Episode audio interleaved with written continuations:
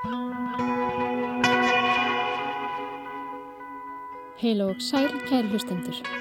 Halla Harðardóttir og Melkorka Ólafsdóttir heils ykkur úr hljóðstofu Víðsjár mánudaginn 27. september.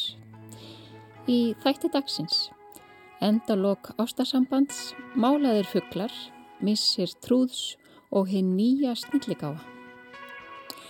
Í síðustu viku opnaði síningin Tilraun æðarrækt í Svavarsafni á höfn í Hotnafjörði. Þetta er stór og þverfagli síning um sjálfbært sambíli, æðarfugla og manna á Íslandi, Danmörku og í Noregi. Síningin var þrjú ári smíðum og var uppálega sett upp í Norrannahúsinu í vor. Síningin sem nú hefur flóið á höfn er með öðru sniði þar í bæ, dreifir sér um allan bæin og þar aðeins gefur hún fengið áhugaverða viðbútt sem eru verk eftir einn helsta fugglalistamann landsins, Höskuld Björnsson. Við ræðum við einn aðstandenda síningarinnar, Hönnudís Whitehead í þætti dagsins, en hún var forfallin áhuga kona um verk höskuldar þegar hún sett upp síningu á verkum hans fyrir tveimur árum síðan. Næstkomandi miðugdagskvöld, þann 28. september, verða uppháfstónleikar vetratónleikaraðar kammerhópsins Nordic Affect í mengi við Óðunskötu. Yfirskrift tónleikana er Ísfrétt og þar munu endalok ástarsambands koma við sögu með frumflutningi á nýju tónverki Yngibjargar Írar Skarpjæðinsdóttur við ljóð úr fyrstu ljóðabók gerðar Kristnýjar Ísfrett. Ljóðabókin kom út þegar gerðu Kristný var aðeins 23 ára gömul. Hún vakti mikla aðtikli og með henni sló gerðu Kristný þegar sinn enginandi meittlaða tón.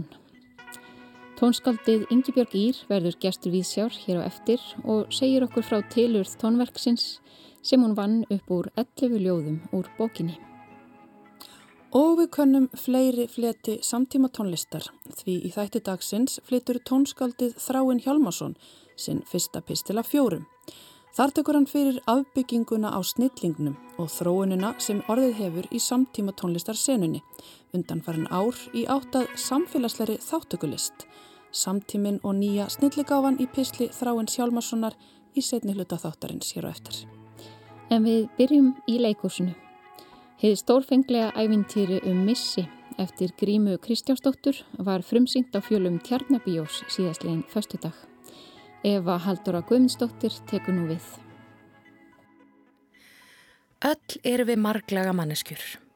Eigum okkar frábæru hliðar og allar þær slæmu. Sama hver þú ert er hægt að finna eitthvað frábært í þínu fari en því miður er álíka jafn auðveld að benda á eitthvað ömurlegt. Sumum þætti það mögulega auðveldara að sjá það verra. En af einhverjum ástæðum eigum við það til að setja fólk annarkvort í guðatölu eða afskrifa það. Manneskjan á það til að vera polariseruð. Annarkvort er eitthvað gott eða vond, fyndið eða leiðilegt, viðkvæmt eða hart. Tvíhyggjan gerir það verkum að stundum er strempið að skilja það sem er gott vond. Þið stórfenglega æfintýri um missi var frumsýnt í tjarnarbjó núna um helgina. Verkið segir frá því þegar Gríma Kristjánsdóttir leikona misti báða fóreldra sína með stuttu millibili og lýsir æfi hennar fram að andláti þeirra og hinnu góða og því slæma sem enkendi uppeldið. Frásögn hennar er með óhefbundnum hætti þar sem Gríma leikur sjálfa sig og svo trúðin jójó. Áhörvendur fá að kynnast fjölskyldumæðlum um Grímu og samskiptamunstrum þeirra. Gríma fær jójó til að segja sögu sína þótt Gríma brjóti sjálf upp frásögnina við og við til að halda trúðnum jójó á móttunni. Hún lætur jójó um það að segja frá þeim þrautum sem hún sjálf á erfitt með að tjá. Gríma elst upp á heldur venjulegu íslensku heimili. Hún á móður og föður sem vinna sem kennari og með úlingum í vanda. Fadur Grímu var í eldra lægi þegar hún fæðist, eða 63 ára. En eins og hún segir sjálf var hún skítrætt við dauðan í uppvextinum. Hún ótaðist allt sitt líf að fadir hennar gæfi upp öndina sögum aldurs. Þegar við heyrum orðið trúður er líklegt að við sjáum fyrir okkur McDonald's trúðin, einhvern lufsulegan sirkustrúð með appisinugula plasthárkollu eða jafnvel hryllilega veru sem heldur á blóðugum nýf. Því kann að hljóma enkennilega að gríma sé að segja sögu sína í gegnum trúð sem hún sjálf leikur. Því ætla ég aðeins að útskýra áður en lengra er haldið. Trúðatæknin sem gríma notast við í síningunni tengist alls ekkert trúðunum sem ég lísti hér áðan. Heldur er hún gömul hefð sem á rætur sínar að rekja í Comedia del Art. Í bjærit gerð sviðshöfundarins Andreu Elinar Viljámsdóttur segir Upprunni Comedia del Art er ekki skjálfestur í sögubókunum og tilgátur um tilur þessa leiklistaforms er á reiki en greinilega má sjá að það er nátengt gömlu grísku og romversku gamanleikjunum. En eins og Andrea segir þá voru þetta sögur, hlutverk og tækni sem gekk í erfðir. Þjónarnir Sanni og Harley Quinn í Comedia eru taldir vera forfeður trúðana sem við þekkjum í dag. Rafael Bianciato er jafnframt leikstjóri hins stórfenglega ævintýris um missi. Hefur lengi kent þessa trúðatekni hér á landi, jafnframt því að hafa leikstýrt hinnum ymsu trúðasýningum á Íslandi. Í Comedia del Art er mikið lagt upp úr spuna og segir Andrea Elin í reitgerð sinni að þar sé framvinda sögunar að mestuleiti háða leikaranum en ekki fyrirframskrifiðu leikriti. Lítið er um texta fyrir utan lausan söguþráð og formið gefur leikurnum mikið frelsi til þess að spinna svo lengi sem söguþráðurinn heldur sér. Það sama mætti segja um hefði stórfenglega æfintirum missi. Það er greinilegt að síningin er levandi og mikið um spuna.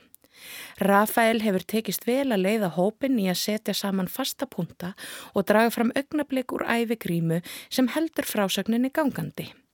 En þegar gríma bregður sér í hlutverk trúðsins Jójó tekur hún við og leikur sér innan rammans. Gríma er með fallega nerver og sviði og er realísk. Allt annað en Jójó trúðurinn hennar. Hún er prakkarleg og verðist áhörndunum til alls vís. Gríma byrjar síninguna á því að segja að það sé margt sem hún hafi ekki geta rætt eftir dauða fóreldra sinna. Það hafi myndast stípla innrameðinni og hún því ekki geta unnið fyllilega úr þeim tilfyllingum sem fyllt hafi þessum mikla áfalli. Dauðin hljómar ekki eins og gladlegt viðfangsefni og því kann að koma ykkur hlustundum á óvart að ég hafi skemmt mér konunglega á síningunni.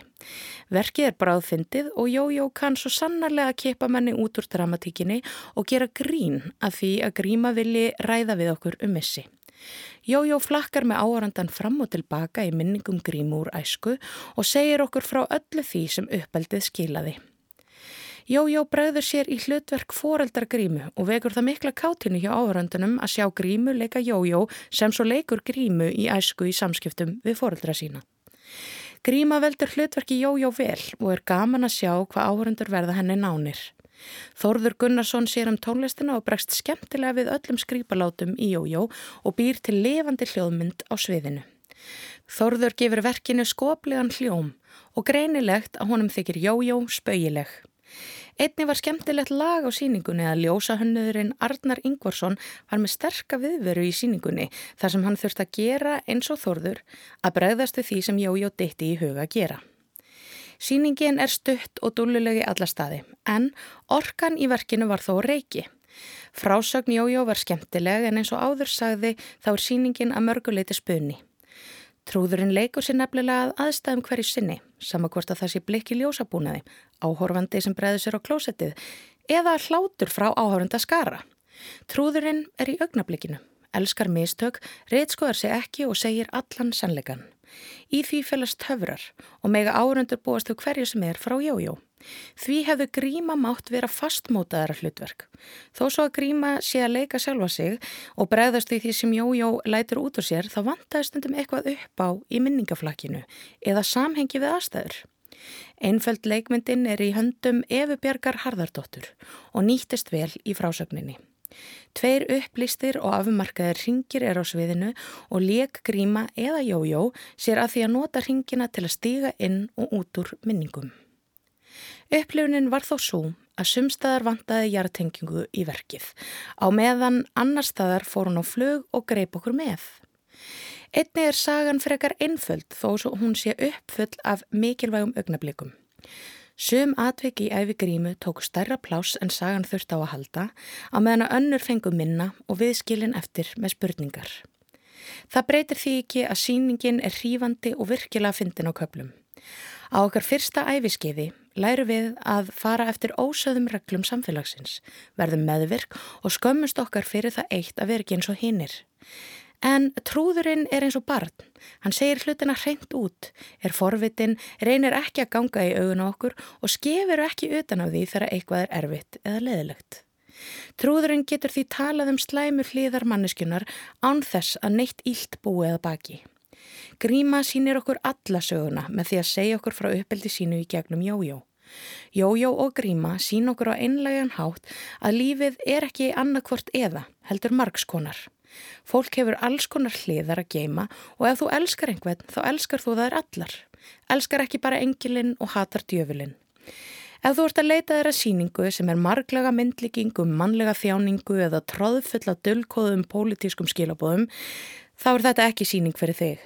En ef þú ert til í einlega frásagn af missi, mannlegum breyskleika og tilbúin í heiðaralegt, tilfinningalegt ferðalag, mæli ég með því að þú skellir þér í tjarnarbíó á heiði stórfenglega ævintýri um missi. Eva Halldóra Guðmundsdóttir sagði frá sinni upplöfun af nýju íslensku leikverki heiði stórfenglega ævintýri um missi eftir grímu Kristjánsdóttur en síninga standa nú yfir í tjarnarbíói og þá yfir í allt annað.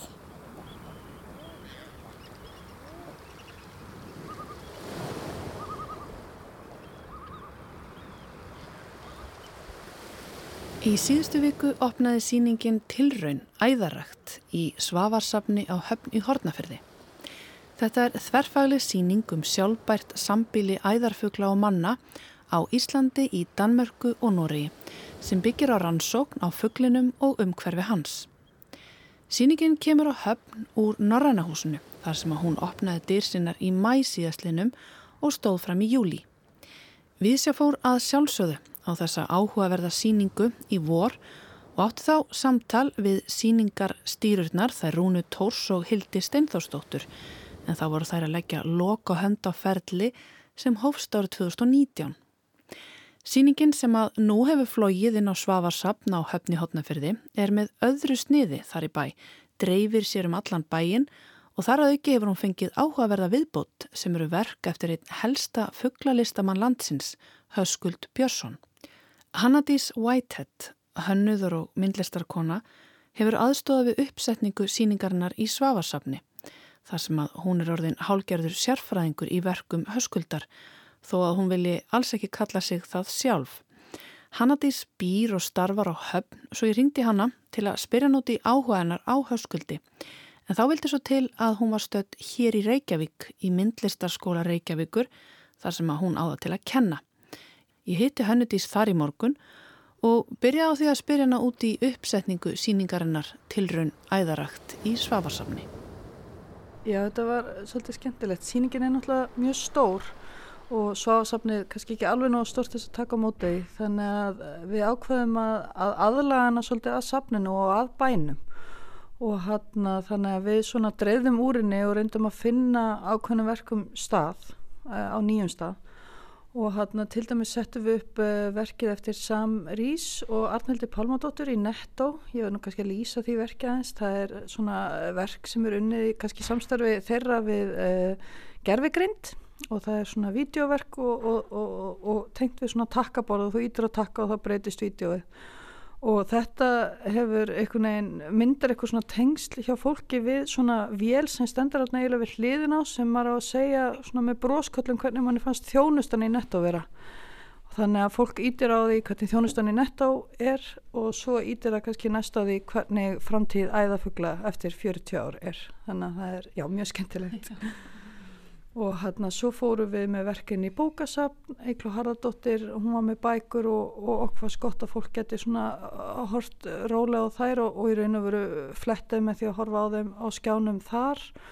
Og hérna eins fór uh, verkið eftir uh, Sigrunu og Friðgeir þanga það var svona prjónaverk, það er alltaf prjónaklúpur í hverju viku á bókasafninu og þær tóku virkilega vel á móti þessu verki og pæltu mikið í því og það var ótrúlega skemmtilegt að myndi ykkur að tengingu þar og, og hann á eins eh, verkin eftir Hönnu Jónsdóttir og Auðaösp eh, það var svona sundverk og það fór náttúrulega þá inn í sundlegina þannig að nú eru kannski fólk aðeins að pæli, pæli æðafuglinum og meðan það situr þar og svamlar um.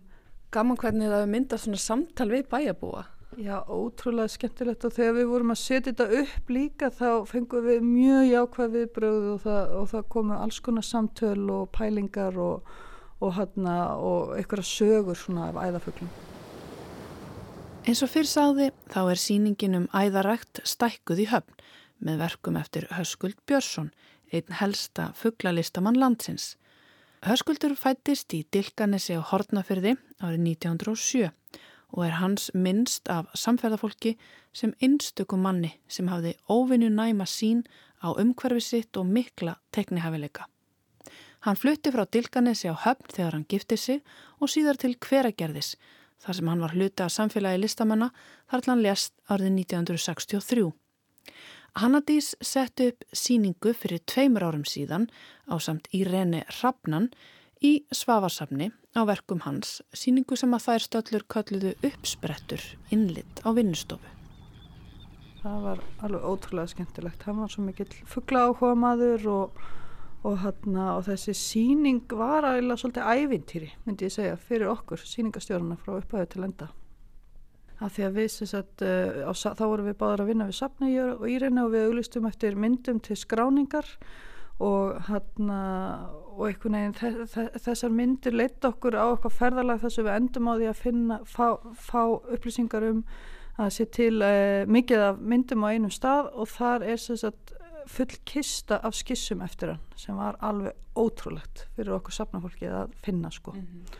Það voru held ég um 200 skissur af vinnustofanans höskuldar þannig að maður gæti svona alveg eða maður svona reyndi svolítið að setja sig inn í hugarheimans þegar maður fór að skoða er maður svona spinnur svolítið í eðarnar og, og fór að svona einhvern veginn að já, skilja hann kannski aðeins betur mm -hmm.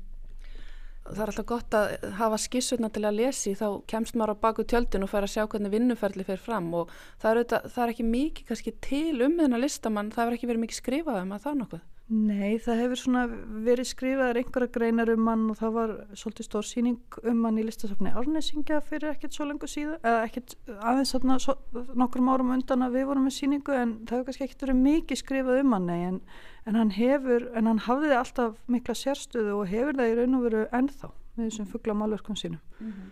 Og fuggla áhuga, einlegum, einlegum fuggla áhuga. Mm -hmm. Hann er auðvitað fættur og upp alinn hérna á þessum slóðum sem að þú byrð á í dag. Getur þú sagt okkur aðeins svona frá honum? Já, sérst, Höskuldur hann var fættur uh, í, í Dirksnesi og bjóð þar til að byrja með sem er þarna í Nesjum og Hotnafyrði og þar svona uh, les maður um einhverjum viðtölum að hann hafi átt svona fuggla tengda esku þau voru til dæmis með einhvern æðafuggl hérna rétt hjá og hann fer með fjölskyldinu sinna að hengja upp veifur til þess að laða fugglin að, að. Og það er rosalega mikið af fugglum á hotnafyrði mér í þessu stundu þegar ég fer á vinnustofuna að keiri fram hjá hópa af einhverjum hrossagögum allt í enn út á túnni eða, eða einhverjum fílsungum sem er allt í enn á veginum fyrir mér sko. Og hann og hann elst uppi þetta að vera alltaf í kringum þessa fuggla og, og, og gifti sér svo setna og flytur þá inn á höfn og svo hann í kringum eitthvað tjón upp úr 40 og eitthvað þá flytja þau hjónin sett, uh, til hverageris og þaðan þekkja oft þegar maður er að tala um höskuld þá fattar fólk ekki hver hann er fyrir að maður nefnir hveragerði þá, þá tengir það við, við hann þaðan sko. mm -hmm, og hann og konas voru með svona halgjört kaffihús eða þannig, maður gæti komið og fengið sér kaffi og pönnukökur og skoðað listaverk sem ja. þjáðum og sumir muni líka eftir því að hafa verið þarna á heilsuhelinu eða eitthvað svoleiðis og farið svo keft verk eftir höskuld. Mm -hmm. Það má bara segja að hann sé einn helsti fuggla teiknari í Íslands. Hann sérhæði sig algjörlega í fugglum og, og hjælt alltaf treyðu við fugglana sína alla tíða það ekki? Hann var alla tíða mála fuggla, alls konar fuggla Jú, hann gerði það. Hann gerði líka landslag og hann gerði líka einhverja myndir af hlutum sem höfðu líka mjög mikið til mín sko en, hann, en, hann, en hans svona einlegur áhugi var á þessum fugglum og hann er alltaf að pæla þessum fugglum og hann er að, hann er að fylgjast með þeim og, og, og þeir eru svona okkur fannst þeir nánast vera eins og eitthvað konar vinir hans eða eitthvað svoleiðis. Og hann Þegar, og það er viðtal við hann það sem hann tala til dæmis um þegar hann bjóða hodnafyrði að hann er þarna já að, að setja upp þessar veifur þegar hann er barnið. Svo þegar hann er eldri þá fer hann bara sjálfur á bát út í þessar eigjar og spilar fyrir fugglin á harmoníku þannig er bara komið það er eitthvað svona mjög sérstakt samband. Og þetta þróa svolítið þannig að hann er fyrst kannski að te- mála svolítið og teikna landslag með fuglum í svona fjarlæð en svo í lokin þá er hann finnst manni að nánast vera komin bara á magan ofan í grasið er að líta einhvern veginn á milli kvannarinnar og er, er komin alveg ofan í hreðrið, hann er komin svo nálagt fugglinum, við erum bara komin svona eiginlega, við erum eiginlega búin að breytast í fuggl sjálf og erum að fylgjast með fugglinum úr þeirri sjónlínu. Einmitt, það er hérna í síningaskráni það er hægt að sjá ein, eitt verk þar sem að það er einmitt þetta sem þú ert að lýsa og æðakollan eiginlega bara rennur alveg saman líka við landslæði þetta er, er er raunsæðislega mynd en, en samt ekki, hann er alveg að hverfa þarna, náttúran er orðin alveg samofin Já, al, algjörlega saman ofin og mér sé að þegar við vorum fundum þetta verk, þetta er nú verki sem kom okkur á slóðirnar á fjársjóðskistuna því eigandan þessu verki var sami eigandin og átti skissurnar að þá tók það mjög ábyggla mánuð að sjá sko þess að æða kolluna því að ég, hún er svo gjörsanlega inn í umhverfinu og á síningunni þegar vorum að fá barnahópa þá vorum við með svona uh, líku við uh, svona, hvað maður segja, svona gátu um hvar fugglin væri. Er- þannig að þetta er, þetta er orðið einhvern veginn svona alltaf einu. Og svo er líka alveg mögnuð sko litapalettan í þessum sérstaklega vasslítamyndunum kannski. Já, það er það, það, er, það og það sem okkur fannst svo áhugavert og fallegt líka var að það sást oft veðrið svo vel í myndunum, það sást náttúrulega hvort það væri morgun eða kvöld og svo, og svo stundum rosalega mikið veður, það var kannski einhver spói í alveg bara háfaða róki eða þú veistu, við erum svo langt ofan í grasinu sko, við sjáum einhvern veginn veðrið í því, það, það, var, það er ótrúlega skemmtilegt og, og áhugavert. Svo er hérna eh, til lýsingar hans líka því þegar starrin er að koma til Íslands. Mér finnst það hans er merkilegt Já, það er ótrúlega skemmtilegt. Hann mánuðum saman fylgist sagt með komu starra á hotnafjörð og skrifar um það í tímariti náttúrufræðingin. Og þá er hann að lýsa um á svo skemmtilegan hátt. Hann lýsir þeim sem kankvísum og hressum og duglegum að bjarga sér og upp og alls sætin þeirra eru loftnett og þau eru svona, finnst fínt að vera kring, kringum kýr og hænsni en eru svolítið kankvísir. Þetta er svona, já, hann, hann virkilega svo mánuðin skiptir, fylgist með fugglunum og, og, og pælir í þeim. Hvar lærði höskuldur að teikna og mála? Var hann alltaf tíð að teikna bara frá því að hann var barn eða hvernig, hver var, hvernig var hann svona skólaganga? Sko það var tekið eftir því þegar hann var barn að hann væri með einhverja svona sérstaka hæfileika til teikningar og það var raun og veru Avans sem tekur fyrst eftir sem var svona listasmiður, haglegsmiður, að læra játsmiði og var mikil, mikil svona, já, haglegsmiður. Þannig að hann tók eftir þessu og þannig að í raun og veru var hann á leiðinni bara út til Danmarkur í nám, það var búið að sapna fyrir því þegar hann fær hann að bergla, hann veikist og kemst í raun og veru aldrei út hann verður, hann verður, uh, hann verður veikur og kemst ekki út og, og verður í kjölfari svona uh, svolítið, ég vil kannski ekki, já, bara veik burða við þetta, við svo leiti þó hann hafi verið, hann var, hann var mjög afkasta mikill listamæður í raun og veru þrátt fyrir þetta en hann sem sagt kemst þá aldrei út í ná þannig að hann var mikið til, hann lærði einhverja tekningu hjá Ríkari Jónssoni og, og fleirum svona stutt námskeið en hann var sjálf lærður og það var annað sem er, er sagt að hafa einkent fyrir hans er að hann er í stöðugri þróun. Hann er alltaf sjálfur að reyna að þróast. Hann, hann staldrar ekkit bara við og hættir. Hann er alltaf sjálfur að reyna að þróast. Og, hana, og við sáum við líka á þessum skissukassa. Þá finnum við svona myndir að hann er að tekna upp úr bókum hann er að æfa sig á veist skiggingum og alls konar tekni hlutum sko og, og svo heldur hann já, alltaf áfram að þróast en hann deyr mjög ungur í raun og veru. Hann deyr, ég held að hann hefur verið innan við 60 þannig að hann kannski náði aldrei einu svona fullri þróun. En alveg, já Ég sé það að þú ert átt alveg í sérstöku sambandi við Höskuld Björnsson. Uh, já, við, ég hérna við í reyni vorum að hana, stúdera hann saman um, um langan tíma og, og þegar maður kemst líka held ég svona í skissurnar hjá okkur þá kemst maður svolítið nálægt þeim eða maður ímynda sér það að maður sé að sjá alls konar tilraunir og maður sér kannski eitthvað sem maður sér ekki á hinnum myndunum og, og hérna, já og þannig að ykkur neginn þá, já, þá var það eiginlega hálfgjörur vinnumanns. Mm -hmm. Mér langaði að spyrja þig Hanna Dísa því að þú ert nú að kenna hérna í myndlæstaskólanum og ert með þína vinnustofu fyrir austan og býr mm. þar og hefur búið í þó nokkur ár, mm -hmm. sagður mér aðan og hérna það er kannski ekkit svo algengt að, að listamenn fari frá borginni og, og, og svona langt í burtu mm -hmm. frá heimaslóðunum að því að svo ertu líka mikið á flakki vegna, mm -hmm. þú ert að sína út um allan heim mhm. hvernig gengur þetta saman? Þetta bara er ótrúlega gott, þannig að mér finnst svo gott að, að vera í skarkalanum og draga mig svo algjörlega útrónum og, og mér finnst svo gott að vinna hotnafyrði og ég, mér finnst ég hafa fleiri klukkutíma í sólarhengdum. Ég heiði engun tími umferð, það er ekki eitt einasta umferðaljós og ég bara næja að vinna rosalega vel þar og svo þegar ég fer þá virkilega nýti ég þess að koma til Reykjavíkur og fara á söpn og sjá alla síningar og, og gera allt sem ég langar til heldur að hérna, verkinans hafi haft einhver áhrif á þína vinnu og ertu farin að horfa öðruvísi á umhverfið eftir að kynntist verkunum hans?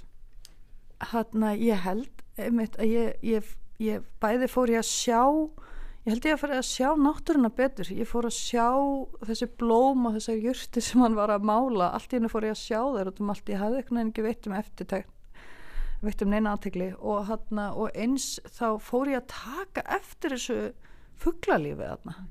Því að maður er kannski að keira og er að hugsa um eitthvað allt annað en svo, svo er maður alltaf að sjá okkur að fuggla og uh, það er nokkur á síðan þá var ég til dæmis bara að keira og leiðin átt á höfnum því ég býja aðeins fyrir utan höfn og þá sé ég ugglu á vegsteku og hún snýri haustum svona nánast í ytt ring þetta var alveg stórförðulegt þannig að maður er alltaf að sjá sem maður fyrir að sjá bara fuggla út um allt og fyrir að veita að maður smir eftir þetta ég tók aldrei eftir að þessi fuggla er í hóp eða þannig að maður smitast aðeins af þessu en ég er samt algjörst borgarbatt sko, veit sem ekki hvort þetta er rossakaukur eða spói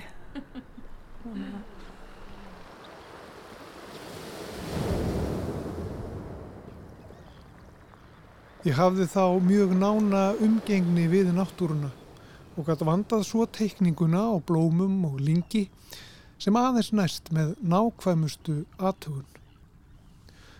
Nú er tíð að vakna yfir fugglunum hér við fjörðin og í dag er mjög gott veður.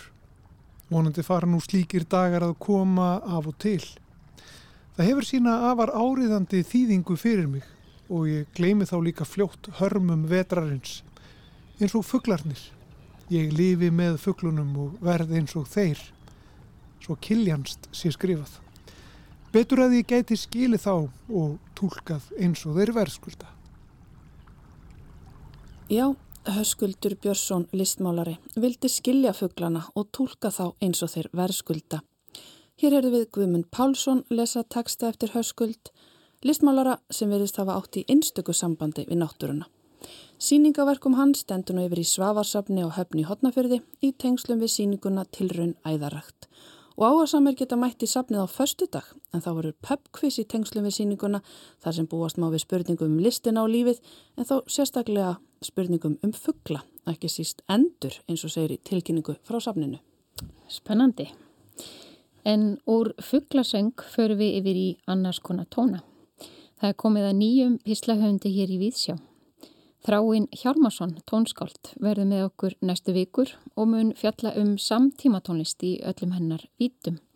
Og á móti honum verður annað tónskáld, Jelena Sýrik, sem tekur til máls í næstu viku. Að þessu sinni kynir þráinn fyrir okkur stefnu yfirlýsingu fyrir nútíma hljóðsköpun eða hérna nýju snilligáfu. Samtímantónlist er betur skilgreind sem alþjóðlegt samfélagsrými heldur enn sem lýsing á tegund tónlistar. Því innan hennar rúmast ólíka nálganir, stílar og hugmyndaströymar sem koma og fara. Ef draga ætti línu sandir um hvað einkennir samtímantónlist er það kannski helst svo sín að tónlist er, þegar allt kemur til alls, óefniskend og formlaus í grunninn en tekur á sig allskins myndir sem skapa henni nýtt sjónarhorn hverju sinni og nýja upplifun. Rætur samtíma tónlistar likja í ritaðri vestrætni tónlistarhefð undir hatti þess sem kallast hefur síkil tónlist en með tíð og tíma hefur þessi stimpill þanist í margar ólíkar áttir hvað var þar intak, efnistök, nálgun, samfélagslega virkni og stöðu hennar innan samfélagana. Á meðal þeirra áberendi breytinga innan samtímantónlistar síðustu misseri er breytt viðhorf til þeirra áður fyrirgefnu hlutverka á melli höfundar og flytjanda. Viðhorf til flutningsins og ekki síst breytt viðhorf til hvað á þáttur tónlistarinnar teldist til listaverksins. Lengi vel var þessi heimur litar og þeirri sín að nóturnar sjálfar væru listaverki sjálft. Flutningu þessi í hljóð, engungum málamiðlun, engungu tæknileg útprentu nótna yfir hljóð. Síðasti hlekkurinn var í höndum flytjanda og sköpunarými flytjandans væri svo gott sem ekki neitt. Í dag má finna ólíkar nálganir og afstöðu til höfundaverksins. Tónlist sem afsprengi samtals flytjanda og tónskálds, samskapað tónlist eftir marga höfunda og kannski helst viðhorfið um það hvort það skipti máli að gefa listaverki höfund. Sumulegis má finna ólík viðhorf til listaverksins sem áður hefur skilgreint frá efnisheimi sínum. Það er, nótum og hljóðfærum, yfir í nokkur skonar form venslalistar þar sem tónlistin er tæki sem skapar félagslegar tengingar og samfélagslegar aðstæður. Hugmyndin um tónlist hefur því færstu stað frá því að vera hlutur sem miðlað er yfir í það að vera aðtöpp, lifandi venslalist sem skapar samfélagslegt rými hverju sinni. Á þeim fórsendum sem tæki til að skapa samfélagslega rými hafa efnistökin og nálgun í sköpunarferlinu tekið á sér nýjar og óvæntar myndir. Þar sem hugmyndir og nálganir úr öðrum faggreinum lista á borði dans, myndlist, leikús og hönnun geta verið jafn við úr þáttur tónlistarinnar. Ávalt með að leiðaljósi þá forvitni um að tónlist geti tekið á sig ótal myndir, hugmyndir mótaðar í óefniskendan heim hljóðana. Það er Kat Hope, tónskáld og Louis de Venis, slavisleikari, byrtu árið 2020 stefnu yfirlýsingu í 11. tölublaði ATSR Sign sem bar yfirskriftina Nýja snillíkávan stefnu yfirlýsing fyrir samtíma hljóðsköpun eða á ennsku New Virtuosity a Manifesto for Contemporary Sonic Practice. Yfirlýsingin er nokkus konar tilraun þeirra til að umfaðma áberendi þræði innan samtímantónlistar á síðustu missurum. Hugtakanótkun þeirra á snillíkái eða á ennsku virtuosity er markviss og nýtir í þá orðræði sem fyllt hefur heimi síkildra tónlistar svo lengi vel um snillingin. Hugtak sem mætti sjá sem andstæði við þessa fyrirnemdu hugmynd um tónlist sem samfélagslega þáttökulist. Hér hljóðar með góðfúslegu leifi höfundina þýðing mín á yfirlýsingunni. Nýja snilligáan. Stefnu yfirlýsing fyrir samtíma hljóðsköpun. Kat Hope og Louis de Venis. Staðarind. Teimisvinna er bakbein sköpunar.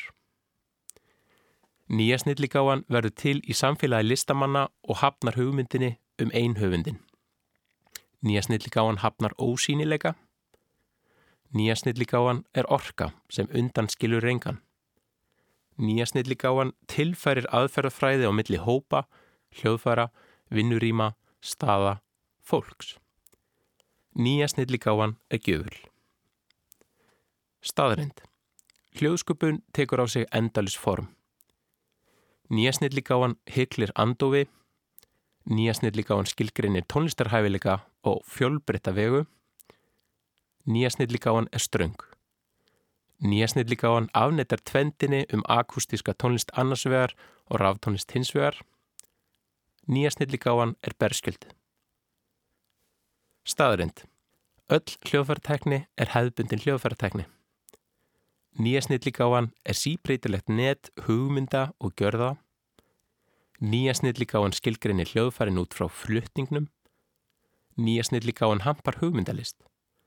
Nýja snilligáan fagnar hljóðum innan og utan tóntegunda, stíla og tóna. Nýja snilligáan er eilíf uppgötun.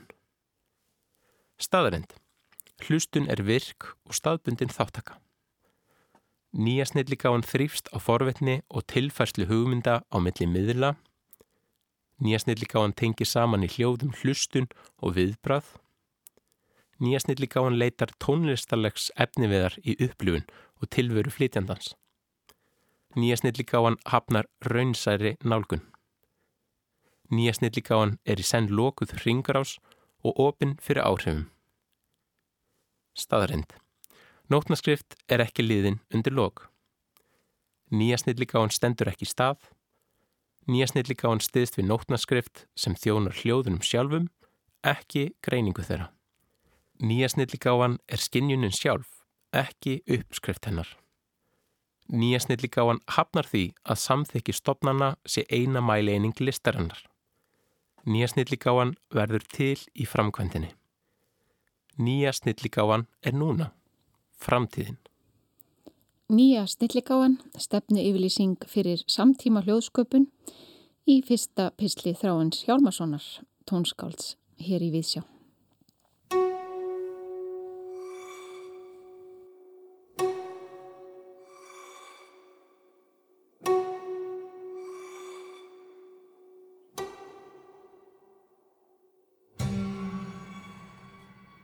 Hún er sest hjá mér Yngibjörg Ír Skarpíðansdóttir tónskáld. Velkomin.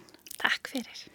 Við vorum að heyra hérna fyrsta pistil frá þráinni Hjálmarsinni tónskáldi um samtíma tónlist og gaman að fá þig af því að ég veit að þú ert svo góði fulltrúi fyrir akkurat það sem hann er að tala um svona þessa samfélagslegu þáttökulist sem að samtíma tónlist er orðin, svona þessa breytingar. Já, já, einmitt, ég, hérna, ég tengdi við mjög margt sem hann kom inn á hana, sérstaklega sko, þú veist að, að hérna samtíma tónlist, allavega eins og ég nálgast hana oft, þú veist, mér finnst þetta oft vera bara samvinna mellir flytjanda og, og höfundar. Og mér finnst það miklu áhugaverðara heldur en ef ég myndi skrifa bara eitthvað nákvæmlega neyra á blad og einhvern veginn, að mér finnst alltaf gott að vera í samtali og mér finnst oft skemmtilegt að setja inn svona smá lefaðum að fá smá frelsi og spinna kannski eitthvað en það er þetta, er, þetta, þetta getur líka verið vand með farið af því að, og ég þekki það alveg sjálf því að ég er klassíst möndaður píjónuleikari og það er rosa lítil áhersla lögið á til dæmis spuna í klassísku námi og það snýst svo mikið um bara þetta að, veist, að lesa nótur af bladi og gera nákvæmlega það sem stendur á þessi bladi og það er náttúrulega bara auðvitað gott að geta gert það en mm -hmm. mér veist áhugavert líka, líka því þá sko ef að það er ákveðin spuni og svona eitthvað element í verkinu sem að er síbreytilegt þá verður hver flutningur svo einstakur og þá er hver flutningur upplifun þú veist því maður er náttúrulega farin að geta nálgast allt, maður getur eiginlega fundið alla tónlistanetinu og hlustað á hana og einhvern veginn. Og þá, já, þá langar mig langar kannski svona að búa til eitthvað svona sem er bara þar og þá á tónleikum með eitthvað mm -hmm. og, og, og líka þetta sko að fleitindinir hafi meira frelsi og, og það sé svona einhver leikgleði og eitthvað mm -hmm. og meira svona samskipti já. milli hljófarleikara mm -hmm. og mhm. flytjanda eða hvað það er Já, líka bara oft, þú veist, er ég kannski sami fyrir einhverja sem að vita náttúrulega miklu meir um sín hljóðfæri heldur en ég, þú veist, og þá kannski eins og í þessi verki sem ég er að fara, sem að vera flutt í mengi, þá held ég að hafa einhver staðar sett inn í nótirna bara já, gerði svona einhvern svona glítur hljóð eða eitthvað svona, veist, og, og ég var endur eftir að hitta þau og heyra hvernig þau ætla að útfæra þetta og þau eru örgulega miklu flinkari að finna eitthvað svona heldur en ég, þannig að það er bara gaman að sjá hvað þau koma með. Þannig að það er kannski svona ákveðið traust líka til hljófarleikarna þau viti. Já, en svo náttúrulega er ég samt, sko, ég hef alveg stundum sett inn í nótir bara já, gera þetta bara svona einhvern veginn mm -hmm. og ég held að mér sé alveg sama en svo kannski hef ég komist að því að mér er svo alls ekki sama. þannig, þannig að þetta þarf svona kannski að vera svolítið samtal, held ég. Já. Eða, já. Þannig að þetta kannski, eh, svona í samræðum við það sem þráin er að tala um, þetta er svolítið að breytast að kannski samtal, tónskálds og flytjanda mm -hmm.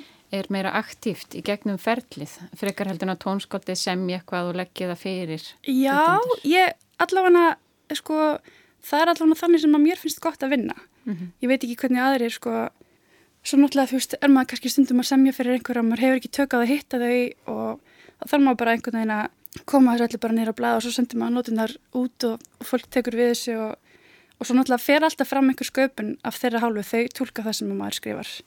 Og það er bara líka gaman þú veist að sjá hvað kemur út úr því. En mér finnst alltaf best að, hérna, að vera svolítið með svona kannski æfingaferlinu og aðeins svona að það séu bara smá samtal um mm. hvernig þetta hvernig er best að gera þetta og, og kannski betra breyta einhverju sem ég hef skrifað mm -hmm. kannski koma þau með einhverja betri list og þá er það bara frábært já. þannig að Það er þetta uppbrót á, á tónsnillingnum e, Já, já, já ég, ég hef ekki mikla þörf fyrir að vera snill, snillingur. Ég, þegar ég var í einleikaranámi, ég fór í, var í eitt ár í einleikaranámi út í Noregi og þá man ég að því að ég, ég var bæði sko komin í alveg búin að mála mútið í hotna því ég var orðin svo rosalega stíf í einhvern veginn hafði einhvern veginn lært að spila á hljóðfærið mitt þannig að ég varð bara já, það var ekki sjálfbært, þú veist, ég var bara með rosa veðabólgu og gæti ekki ég var bara komin algjörlega út í eitthvað hotn og ég, og svo var ég líka þjáðist svolítið af hérna sveiskrekk og á endanum sko þetta ár þá ég manna hérna ég var farin að hugsa bara, ég var farin að láta mig dreymum bara, óh, mér langar ekki að vera lengur upp á sviði, mér langar að setja aftast í salnum og hlusta á einhverja aðra flytja tónlist sem að ég get bara dunda mér við að semja einhverstaðar í róli heitunum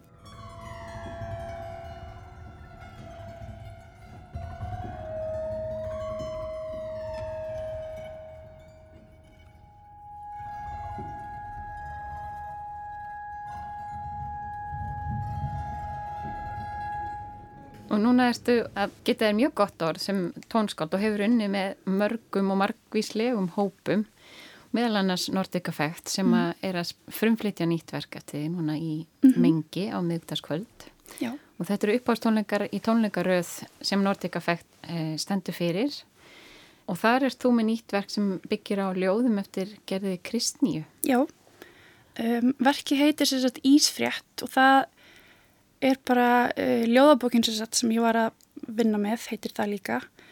Og hún, ég held að þetta sé fyrsta ljóðabókin hennar. Og ég er nú með henni hérna fyrir mig þannig ég ætti að sagt þetta rétt. Heldur hún að komið út einhver tíman þegar ég var á leikskona eða eitthvað. Já, 94 kemur hún út. Og ég hérna samti fyrst verk 2017 fyrir þá klarinett og symbolum og þá var frænka mín sem sagt að læra í klarinett námi í listakademíunni í Budapest. Og hún var að spila með symbolumleikara og það er báð með maður samja verk og ég hérna og var svolítið mikið að grúska í ljóðum á þessum tíma og fann þessa bók, ég mann svolítið lítið eftir þessu en ég hafði greinlega fengið þessa bók upp í hendunar og var þá bara að vinna með eitt ljóð sem heitir Með eld og verki hér það með eld. Og þá var ég svona að láta þær lesa ljóðið upp svona inn á milli þess sem þær spila hljóðfærin sín. Og svo ákvað ég að, að því að mér fannst þótti mjög vant um þetta verk og hérna en þetta er ekki mjög heppileg svona hljóðfæraskipan allavega ekki á Íslandi. Þú veist það er ekki margir sem spila á symbolum því miður. Þannig að ég ákvaði að umrita þetta fyrir Nordic Effect og þær fluttu með eld í mengi í fyrra. Þá baði ég þar um að lesa upp ljóðið svona inn á melli þess sem þær spiluðu. Og svo núna það tók ég fleiri ljóð úr þessari ljóðabók. Og í rauninni samti bara tónlist sem var bara svona einblásin af þessum ljóðum og stemmingunni í ljóðabókinni. Og svo ákvað ég að lefa þeim bara að spila hljóðfærin sín og, og gera það bara. Og svo las ég bara ljóðininn og það verður spila bara svona í hljóðmynd samfara þeirra flutningi í rauninni.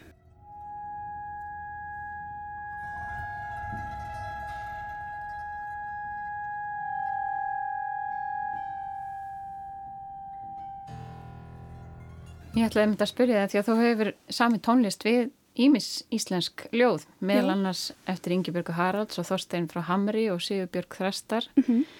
en Nordic Effect er ekki með söngvara með sér Nei. á þessum tónleikum þannig að ég var forvitin að vita hvernig, hvernig ljóðin kemst til skila Já. en þau verða sem sagt lesin en þú vendilega ert að tólka þetta myndmál eða þessar mm -hmm. sterku myndir Já. og ljóðunmennar gerðar í tónlistinni mm -hmm. og fyrir þá sem að kannski ekki þekkja þessi ljóð, þau eru mjög einkennandi fyrir gerði mm.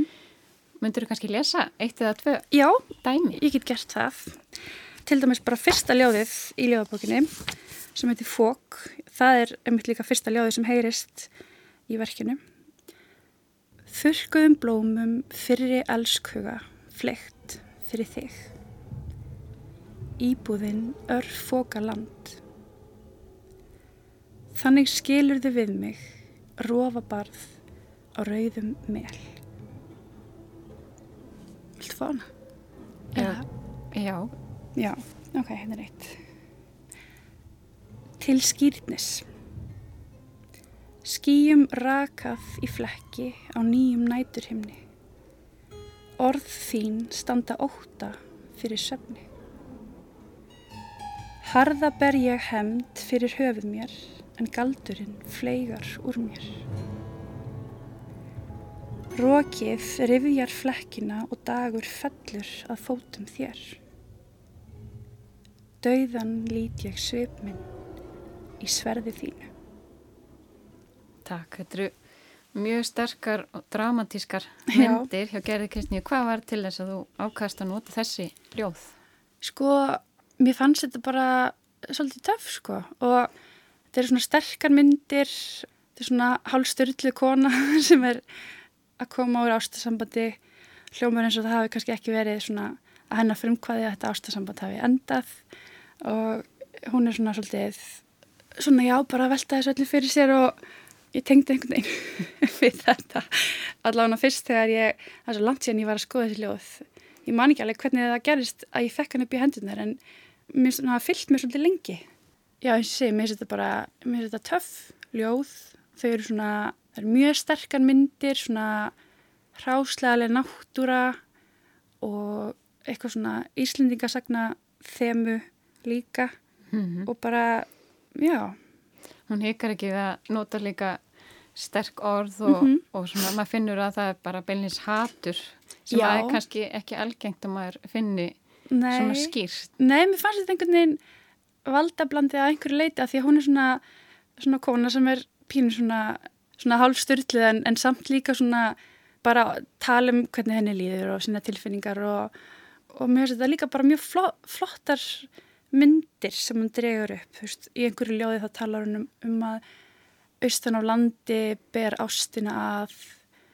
hún veður snjóin upp á mitti eitthvað, þú veist, þetta er svo, mér finnst þetta bara, já, flotta myndir mm -hmm. og mjög svona inspirerandi og gaman að gaman að semja tónlist þegar maður hefur eitthvað svona, einhverju stemmingu til að vinna með. Mm -hmm. Sterkar tilfinningar. Já. Leifir sér að vera reið og, og finna til. já.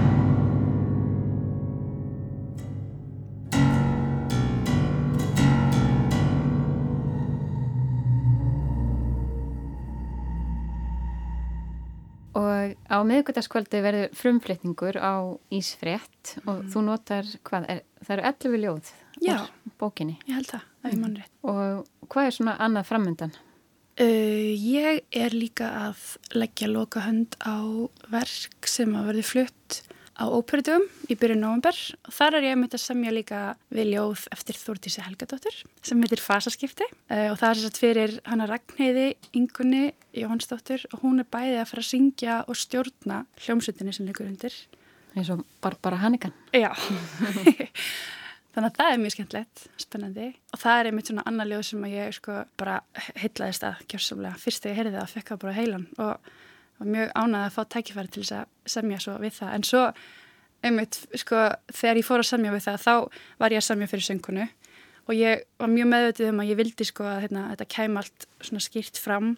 En þá fannst mér pínu svona þá hugsaði ég ah stundum vildi ég pínu óska þess að það væri bara einhver að lesa ljóðu upp svona í bakgrunni og það væri kannski hægt að tólka þetta einhvern veginn eða þetta er svona, þetta er svolítið fyndið sko að því þegar maður syngur eitthvað þá verður það strax rúslega dramatíst mm -hmm. það getur allavega nú orðið það. En mm -hmm. það er bara svona gaman að prófa þetta á alls konar alls konar átt og svo, eh, já, svo er ég að fara að gefa út plötu með Ingebergu Fríðu Helgadóttur þar sem að við séum sagt, erum í samti sönglög við ljóð Ingebergar Haraldsdóttur Þannig að við erum yngi bjargir að fara að gefa út plötuna Konan í speklunum sem kemur vonandi fyrir jól. Og það er allt ný músik líka? Já. Það var svo rétt. Já. Þannig að það er nóg að gera hjá þér. Já. Takk fyrir komuna. Takk fyrir mig. Skarpiðanstóttir.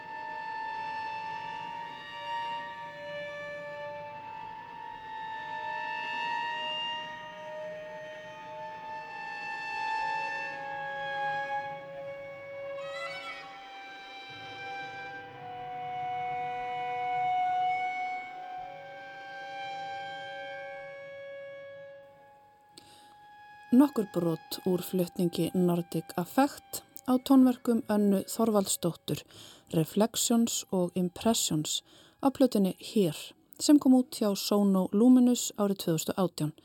Melkorka spjallaði við tónskaldið Ingibjörgu Ír Skarpínsdóttur en nú að miðugutaskvöld frumflittur Nordic Affect nýtt verk eftir hanna við ljóð úr fyrstu ljóðabók gerðar Kristnýjar Ísfrétt á upphafstónleikum vetrar tónleikaraðar Nordic Effect í Mengi.